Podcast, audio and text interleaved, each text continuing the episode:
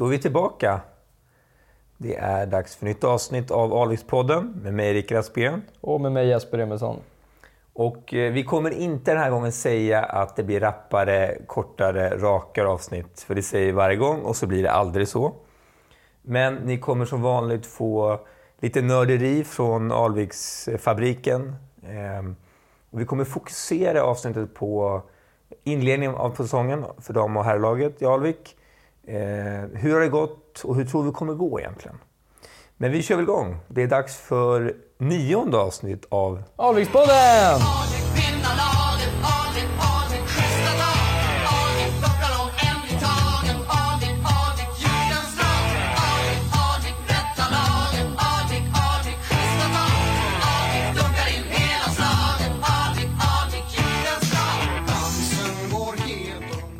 Ja, och vi börjar med damerna som de gentlemanna vi är.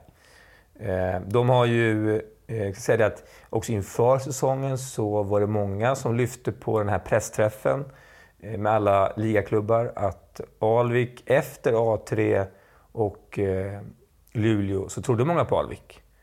Men det var ju även så förra säsongen. Men det var i alla fall många som lyfte Alvik som en, kanske en utmanare som man trodde på. Eh, och de har också börjat starkt. De har tre av tre. Eh, inledde på bortaplan mot Uppsala. Eh, Uppsala som valde att sparka sin import innan säsongen började.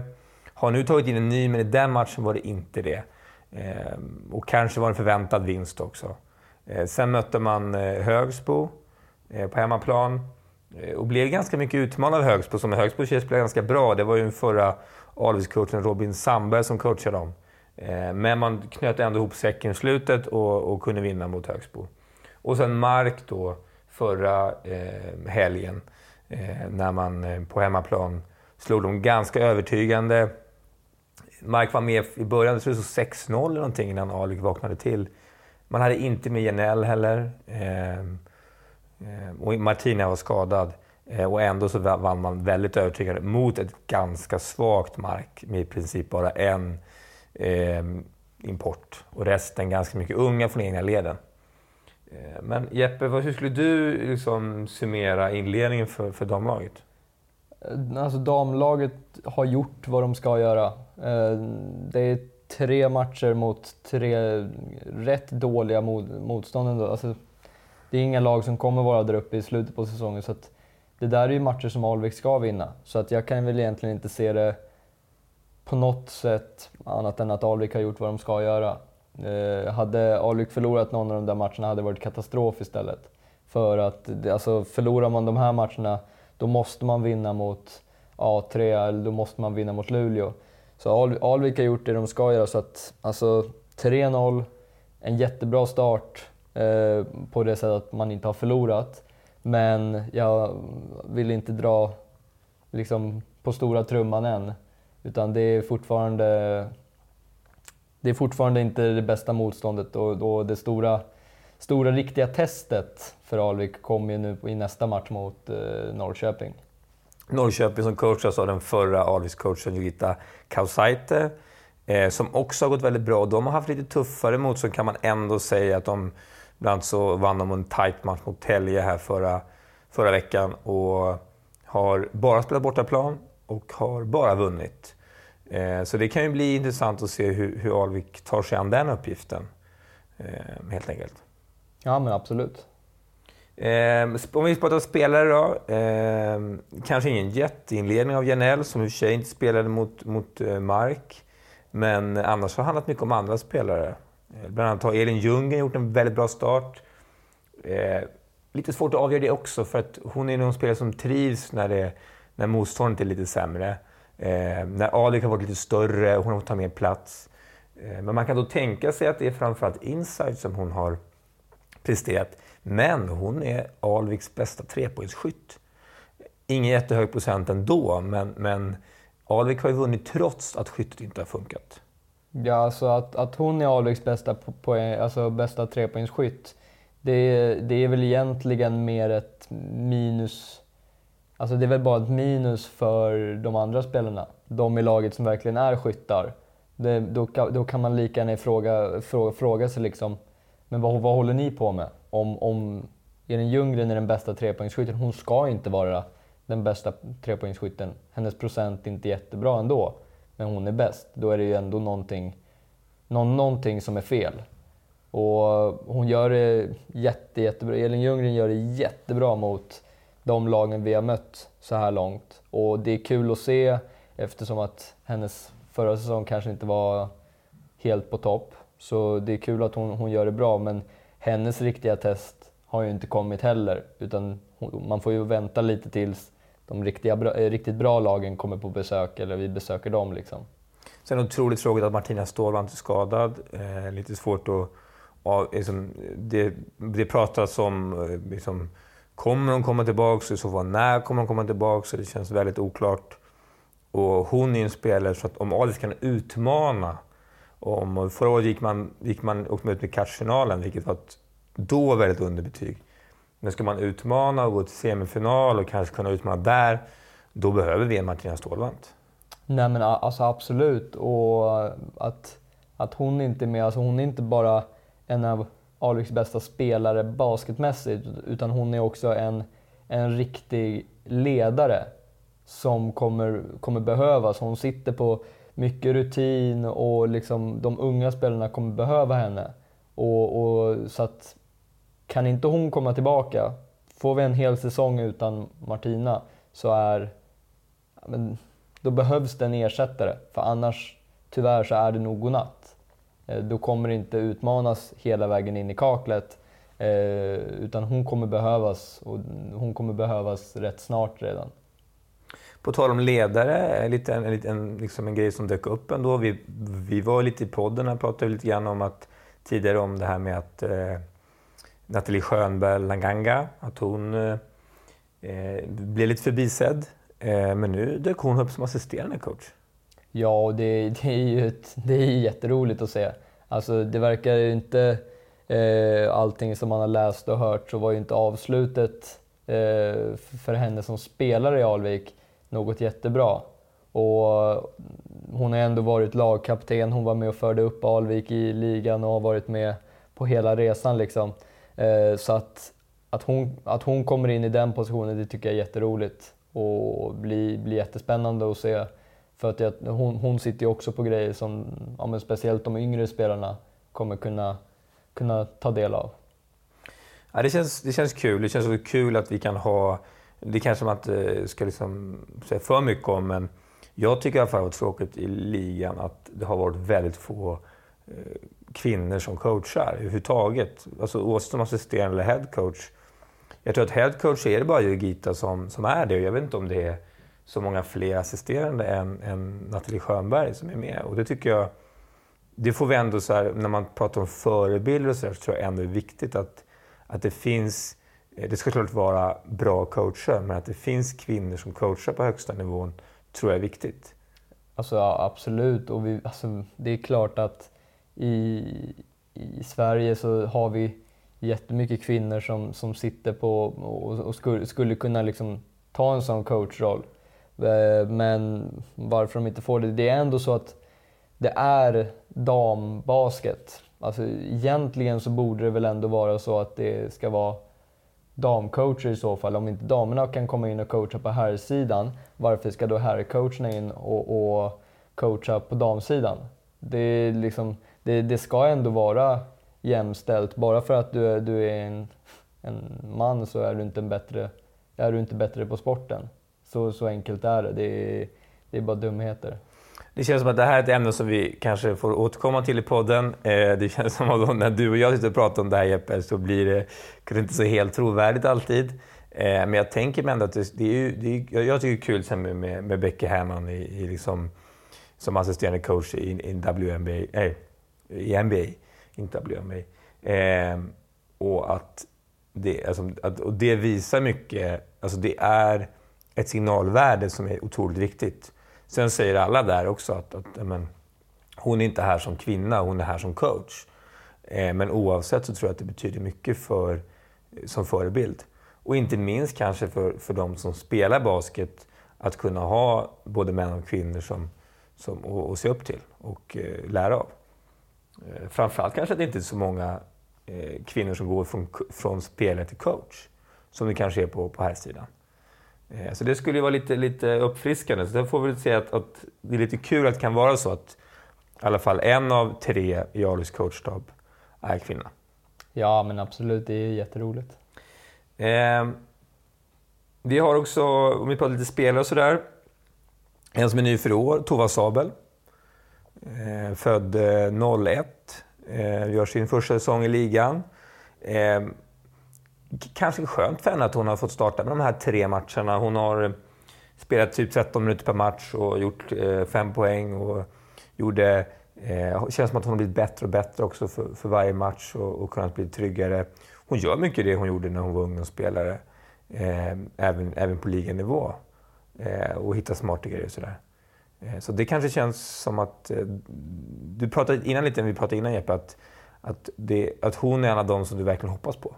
Jo men verkligen. Alltså, vi, nu har vi fått följa eh, Klaras resa genom flera år nu och hon kommer in och gör det jättebra och, och det finns ju inget roligare än när du följer ett lag och det kommer in en, en väldigt ung spelare och, som bara kommer in och, och plockar det på dräkten. Går in i, i och spelar Eh, varje match och gör det hur bra som helst. Så det är väl klart att jag jättegärna ser att, att eh, Tova går i Klaras fotspår och, och eh, kan bli en jätteviktig spelare för Alvik. För det kommer ju bara gynna, gynna klubben i längden också. Sen en spelare som eh, har varit skadebenägen och, och som och sådär har ju varit Helene Hägerstrand. Eh, men som också gjort en väldigt bra start på säsongen. Har Eh, spelat drygt 21 minuter och, och gjort 13 poäng och tagit 15, returer per match i snitt. Eh, måste ju ses som ett, ett jättelyft för Alvik att, att få in en, en spelare som man redan har, men som tar ett kliv till. Och kan, jag, jag gissar på att det här skulle kunna bli hennes säsong där hon blir etablerad ligaspelare. Jo men alltså, alltså verkligen, alltså, får hon gå skadefri. Det är det tråkiga med, med skadebenägna spelare att helt plötsligt så kan det, kan det smälla och då är spelaren borta jättelänge. Eh, men får, får hon gå skadefri så det är också ett, ett jätteplus för Alvik. Det är precis vad som behövs. Och för hon själv så måste det vara jätteskönt att få spela utan lite skador just nu. Eh, sen har vi klart det är Paula Julin har vi pratat mycket om och hon kanske har, det finns mer att hämta från henne kan man gissa på. Eh, som gjorde ganska bra på försäsongen men, och gjorde även en bra första match ska vi säga mot Uppsala. Men sen kanske inte riktigt har, har kommit till sin rätt.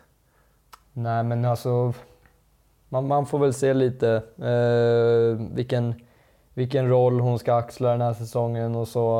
Eh, men det är som du säger, vi har ju fått se henne flera säsonger nu och hon har gjort det väldigt bra.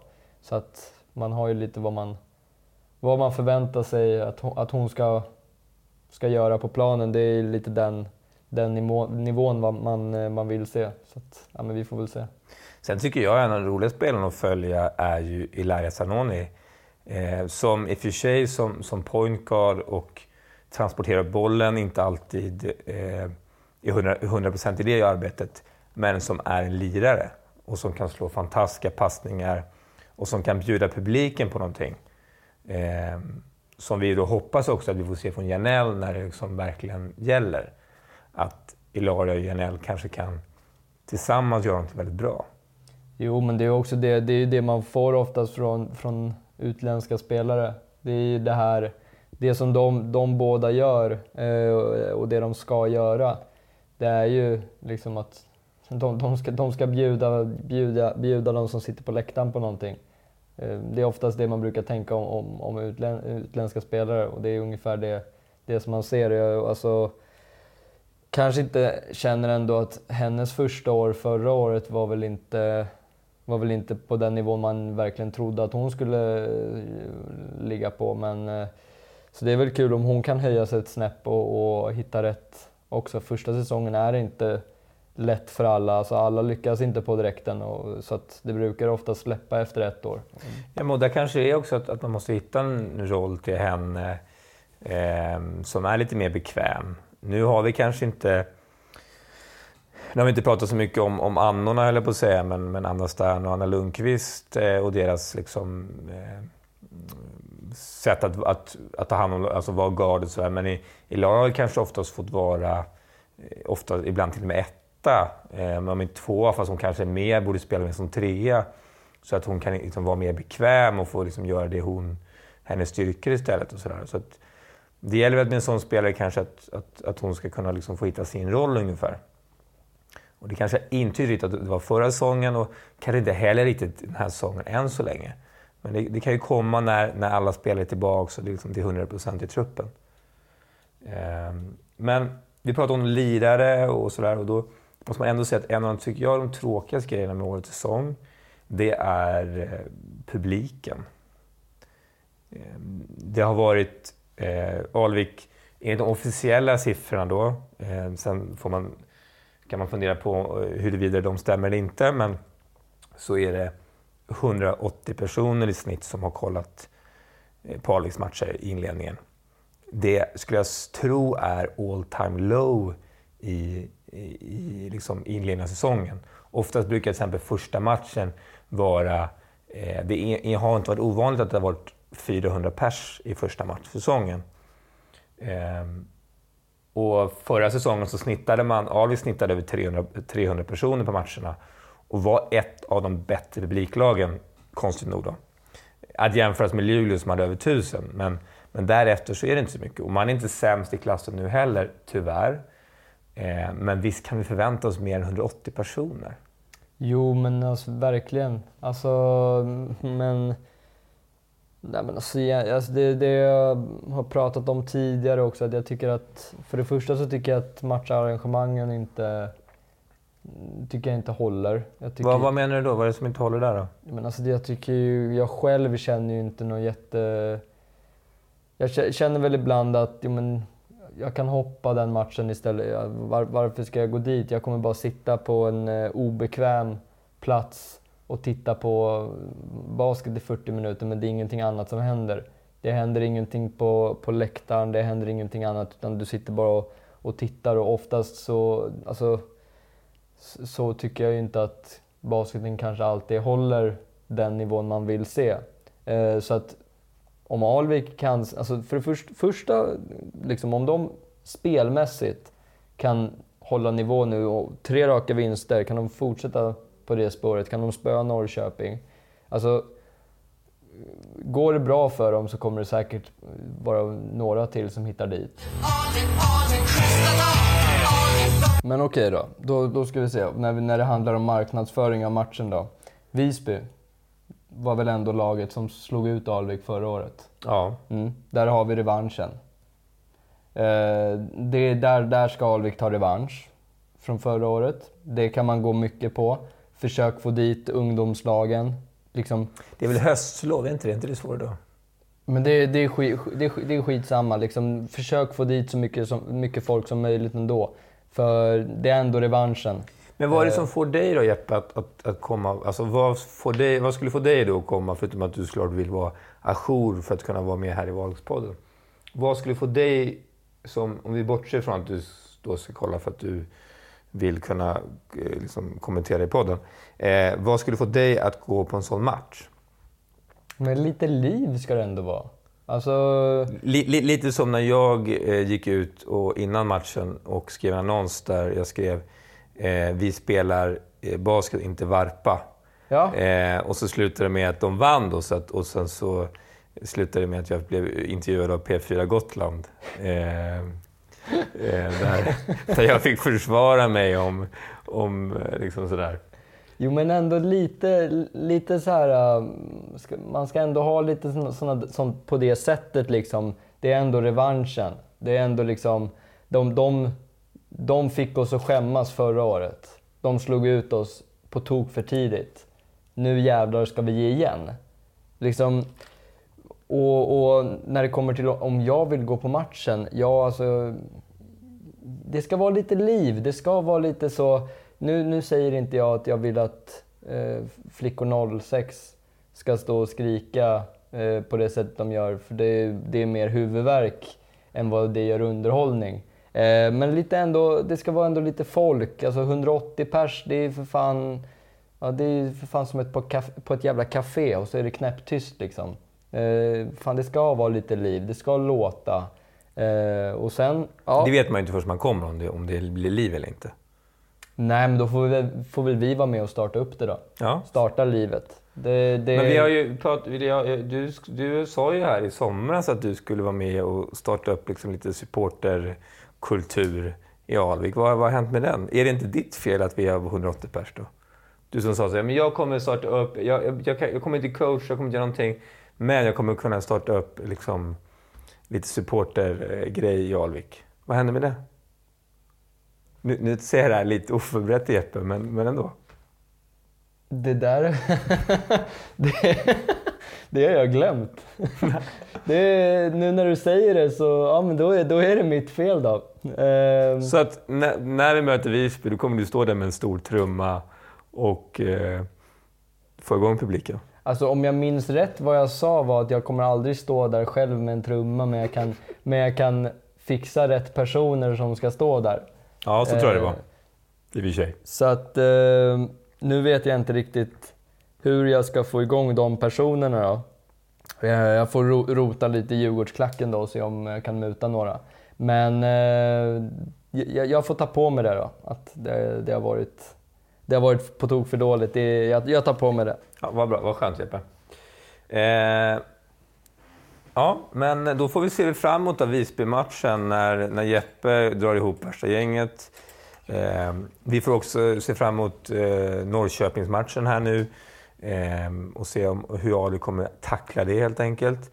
Eh, och så får vi återkomma lite grann kan vi säga med, eh, med utvärdering av coach och spelare och så här. Men vi måste ändå säga att en ganska förväntad men, men bra inledning på säsongen. Absolut, alltså det, men det är precis vad man förväntar sig men det är ändå kul att se att, att, eh, att de inte har förlorat hittills. Då dyker vi in i AIK Baskets herrlag istället. Och eh, de har vunnit två, förlorat två. Eh, och de började med Fryshuset eh, som man på förhand kanske trodde att, faktiskt att Alvik skulle ta den matchen. Men Frysen, inget dåligt lag alls. Ehm, mycket fysik, mycket styrka, mycket snabbhet. Alvik, ehm, även om det var en jämn match så blev det förlust. Eh, mycket var det då det fysiska spelet där, där eh, Frysen fick sköt bättre men också tog fler returer än Alvik gjorde. Eh, coach Kevin sa efter matchen bland annat att det handlar mycket om beslutsfattande och sådär. Sen blev det eh, Helsingborg där man vann. Eh, och eh, sen eh, så var det Djurgården. Eh, en tuff match, eh, otroligt fysisk. Jag tyckte faktiskt att domarna gjorde en bra grej där, att, att de släppte upp det mycket. Djurgården var ganska... Eh, de liksom ville ha mycket fouls och var lite, nästan lite så att man nästan skrek innan kontakten kom. Men domarna liksom släppte upp det så det blev otroligt mycket kamp. Eh, var en otroligt eh, härlig match att kolla på. Eh, men blev tyvärr förlust när AIK tappade i slutet av matchen egentligen. Kunde lika gärna blivit vinst. Eh, men det, även där liksom, kunde man inte riktigt eh, stå emot det fysiska spelet över 40 minuter. Eh, riktigt. Eh, man, man, det blev så otroligt jobbigt eh, för, för Alvik att kunna göra det med i alla fall med alla fem spelare på plan. Eh, sen kom eh, vinst mot AIK. Eh, och eh, stark vinst på, på eh, här tidigare. Ehm, och nu väntar, eh, närmast väntar eh, Helsingborg igen. Hur, hur skulle du summera säsongsinledningen? Ja, den är, den är helt okej. Okay. Eh, liksom Djurgårdsmatchen eh, såg ut ungefär som det gjorde förra året. Eh, där i december när de möttes i Åkeshov. Eh, jämn fram till slutet på matchen.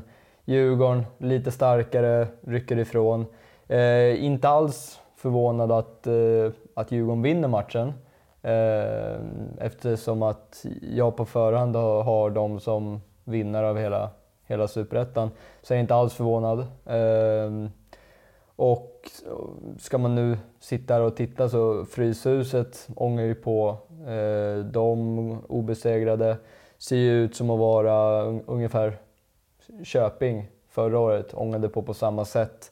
Eh, så att, att de förlorar matcherna mot, mot de två lagen, absolut inte någonting som, som man ska vara alltför negativ med. Eh, någonting som är kul det är att Alvik vinner matcherna de ska vinna. Om vi jämför med inledningen på förra året.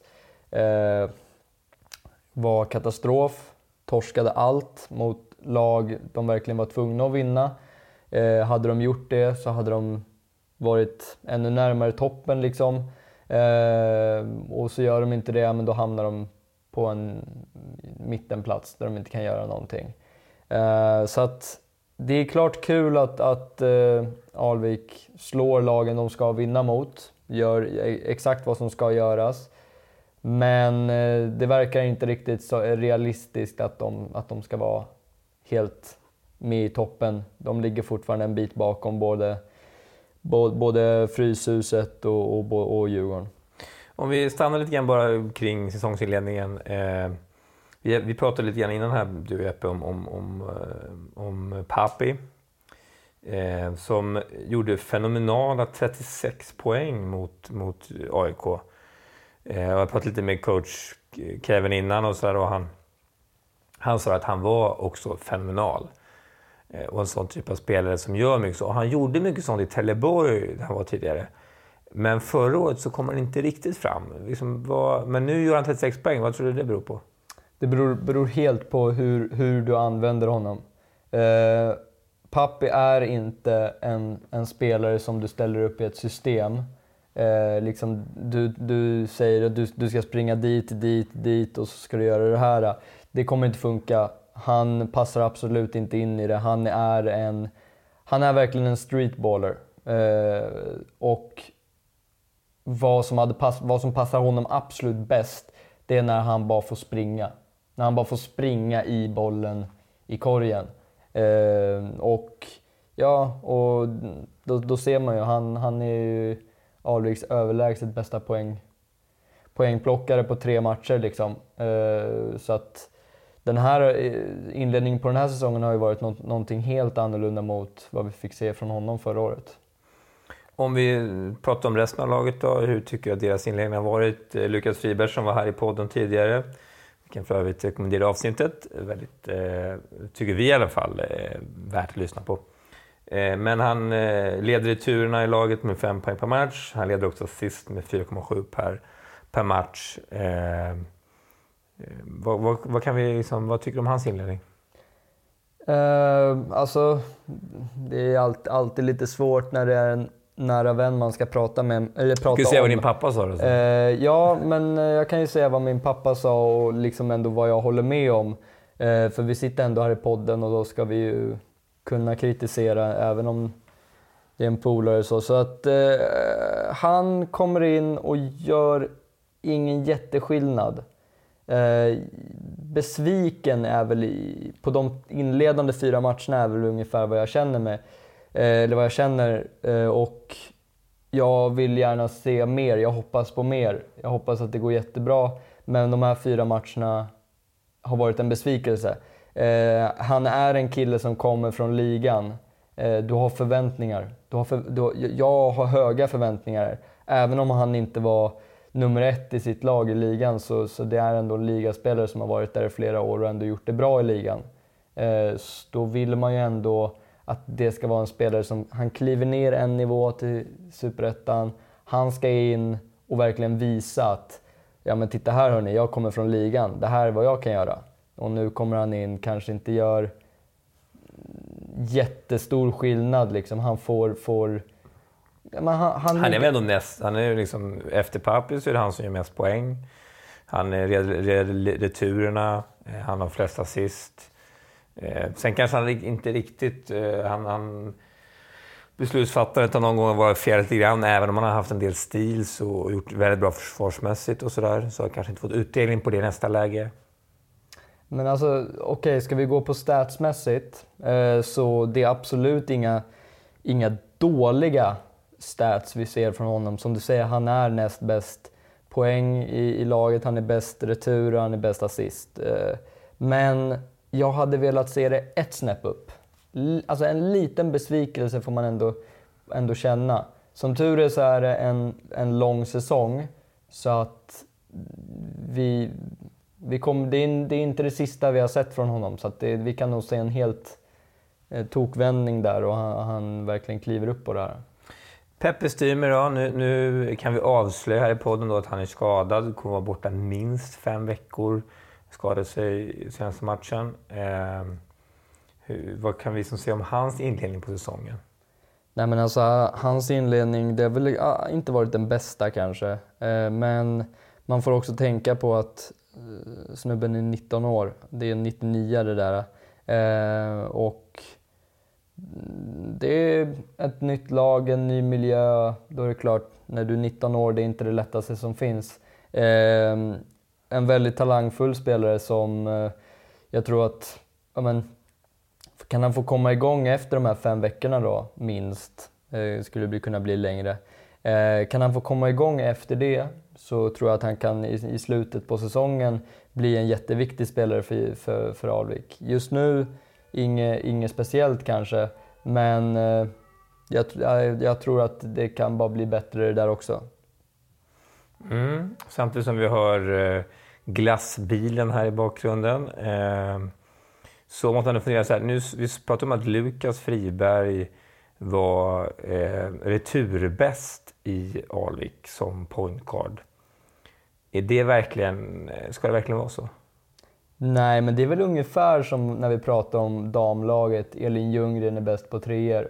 Det, det, det är ett underbetyg för de spelarna som ändå är skyttar. På samma sätt så är det ett underbetyg att Lukas är bäst på, på returerna är det ett underbetyg för de stora spelarna. Eh, liksom... Nu kan vi säga att ibland så kan det också vara så att guards tar mer eh, retur blir ofta lite längre och så kanske det är så att de längre spelarna eh, gör jobbet under korgen men, men just därför kan också garden ta returen. Sen exempel Klara har ju ganska högt upp på returligan också. Eh, så vi måste ha med oss en liten passus. Så. Jo men så är det ju, men det är fortfarande så liksom att det är ändå ett lite lägre betyg för kanske Alvik i så fall, eh, som klubb. Att jag tycker inte att, att rekryteringen på spelare när det kommer till de större spelarna har gjorts korrekt. Kollar man på spelarna som har försvunnit så eh, Emil Hägglund är borta. Boman, jätteviktig, han är också borta. Men den, den som är absolut tyngst är ju Hartman han är inte kvar. Eh, alltså det är tre spelare. Mm. Och jag kan inte ens räkna upp på Alviks lag nu att de har ens tre stora spelare. Eh, så att det, det är klart att där ska du ge ett minusbetyg i så fall till rekryteringen.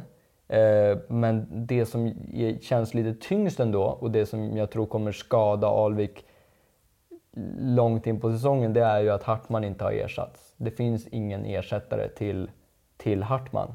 Och det känns väl det är det som lite, lite är kvar. Om man ska säga så här, vad skiljer oss mot kanske Djurgården då till exempel, men även känslan mot, mot Fryshuset. Så, så kanske det känns som att ja, men det är någon typ av den större spelare. Nu får man kampa otroligt mycket för att kompensera för det. Man får liksom kämpa järnet eh, och det tar ju mycket på krafterna. Och där kanske också att det blir...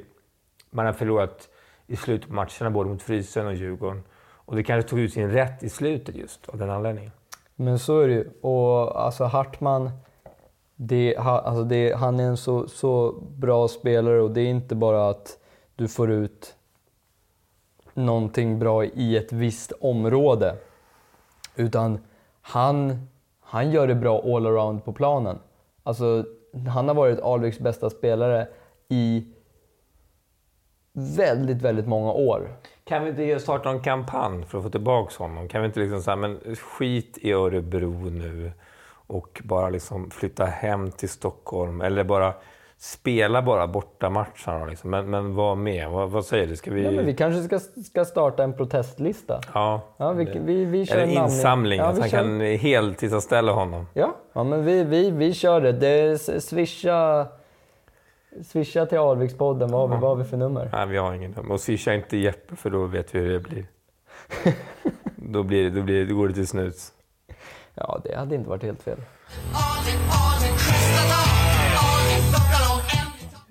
Men eh, och det är ju Kevin Gaines första säsong med Alvik. Eh, han pratar mycket om att, att han vill ha snabbt spel, springa mycket och utifrån det vi pratade om tidigare med att de är lite kortare så är det också positiv grej såklart. Det blir roligt att kolla på. Samtidigt som han pratar mycket om balansen mellan att springa och sen fatta när man inte ska ta de här snabba avsluten för att man inte ska få den i baken sen. Men om vi ska kolla lite framåt nu då. Vad kan vi förvänta oss av Alviks herrlag? Eh, hur kommer det se ut framöver? Och så vidare. Alltså, jag hoppas nu att, eh, att det fortsätter med vinster. Alltså spelschemat framöver nu är fem matcher som Alvik ska ha en vinst i varje, i, i mitt tycke i alla fall. Eh, och det var ju ungefär det som för, förra året, alltså det var ju det som Alvik misslyckades med. Det var att de vann inte matcherna som de var tvungna att vinna. Eh, de spelade jämnt mot topplagen, men det spelar ingen roll. De torskade de matcherna och sen så torskade de ändå flera matcher de ska vinna. Nu har de fem matcher och det här är nog fem matcher som kan bli rätt avgörande. Alltså, Alvik har redan förlorat två matcher. Det är två, alltså, I Superettan, de lagen som går etta, tvåa förlorar nästan aldrig. Och då är det så, fem matcher där, ja, skulle Alvik kunna gå upp på 7-2 skulle det vara jättebra. Och det skulle sätta press. Eh, sen, liksom, jag, jag, tror ju att det är mycket nytt i Alvik just nu. Det är många nya spelare. Och det är svårt, det har vi sagt tidigare i den här podden, att det är svårt för nya spelare att komma in i ett lag. Så att det är ny, ny coach, det är flera nya ansikten. Det är klart att det tar tid. Så att jag tror att det här kan bara bli bättre. Eh, och jag hoppas verkligen att det bara blir bättre. Eh, så att jag tror att när vi sitter här om fem omgångar så kan vi nog se en 7-2 på Alviks, på Alviks eh, statistik där. Mm. Mycket att se fram emot och vi hoppas väl lika så på damsidan att det kan komma lite publik också eh, och se herrarna. Ja men det löser jag, det, vi, vi drar klacken nu. Det drar klacken, bra. Då har vi kommit till ett nytt segment här i podden. Vi försöker bredda oss och vara alla till mötes. Eh, så vi kommer ha ett, en grej som kallas för Basket-Sverige där vi lite går in med en grej som inte behöver vara avvikare. Men den här gången råkar vara det. Men först, Vedran Bosnic har fått sparken som coach för herrlandslaget. Ehm, och spelarna gick ut i pressen och sa att de var besvikna, pratade om bojkott till och med. Vad kan vi säga om det, Epe? Uh, att uh, det är otacksamt. Han har haft en jätteotacksam roll sen han kom in i herrlandslaget. Han har inte fått uh, spelarna han vill ha. de bästa spelarna har inte varit med. De näst bästa spelarna har inte varit med. den truppen som Sverige har fått ställa upp med har varit väldigt låg nivå i jämförelse med vad nej, förlåt, vad Sverige kan ställa upp med. Eh, och därför så känner jag det att men han, är, han det är ingen trollkarl. Alltså, han, det är en vanlig människa. Bosnic, det är en vanlig människa. Han är, han är duktig på, på basket men han, han kan inte göra ett mirakel. Så därför så känner jag att det, det kanske är lite konstigt att han får sparken. Han... Det jag känner lite tråkigt tyckte jag var för att vi, vi var ju i Turkiet och kollade på deras eh, match just mot Turkiet i VM-kvalet, sista matchen. Och det man då kände var ju som att han hade som en liten plan med, med sitt engagemang som förbundskapten. Att men nu börjar han fundera på de yngre spelarna. Han börjar ta med mig in, liksom, ha mer koll på de som kommer underifrån. Och, ha en annan typ av dialog. Att det känns som att ja, men liksom, det här kan bli någonting bra på sikt. Och sen så vill man inte ha det tålamodet. Nej, men alltså... På, på, på ett sätt så kan jag tycka att det är konstigt. Just för att hans roll har varit så pass otacksam som den har varit. Men på ett annat sätt så köper jag det. Alltså för att det kan i vissa fall vara bra även om, om, liksom, om den här truppen skulle fortsätta så kommer inte Sverige ha en chans vilket som. Mm. Så är det så att det kan ibland vara bra att få in en ny röst. Att få in en ny röst och, och eh, liksom bara få in en annan person brukar kunna hjälpa en del. Men alltså, det finns inte någon som, alltså någon som kan magi i denna värld. Och vi kan säga, vi har lite avlidskoppling. Kevin Gaines, assisterande förbundskapten, för, var det.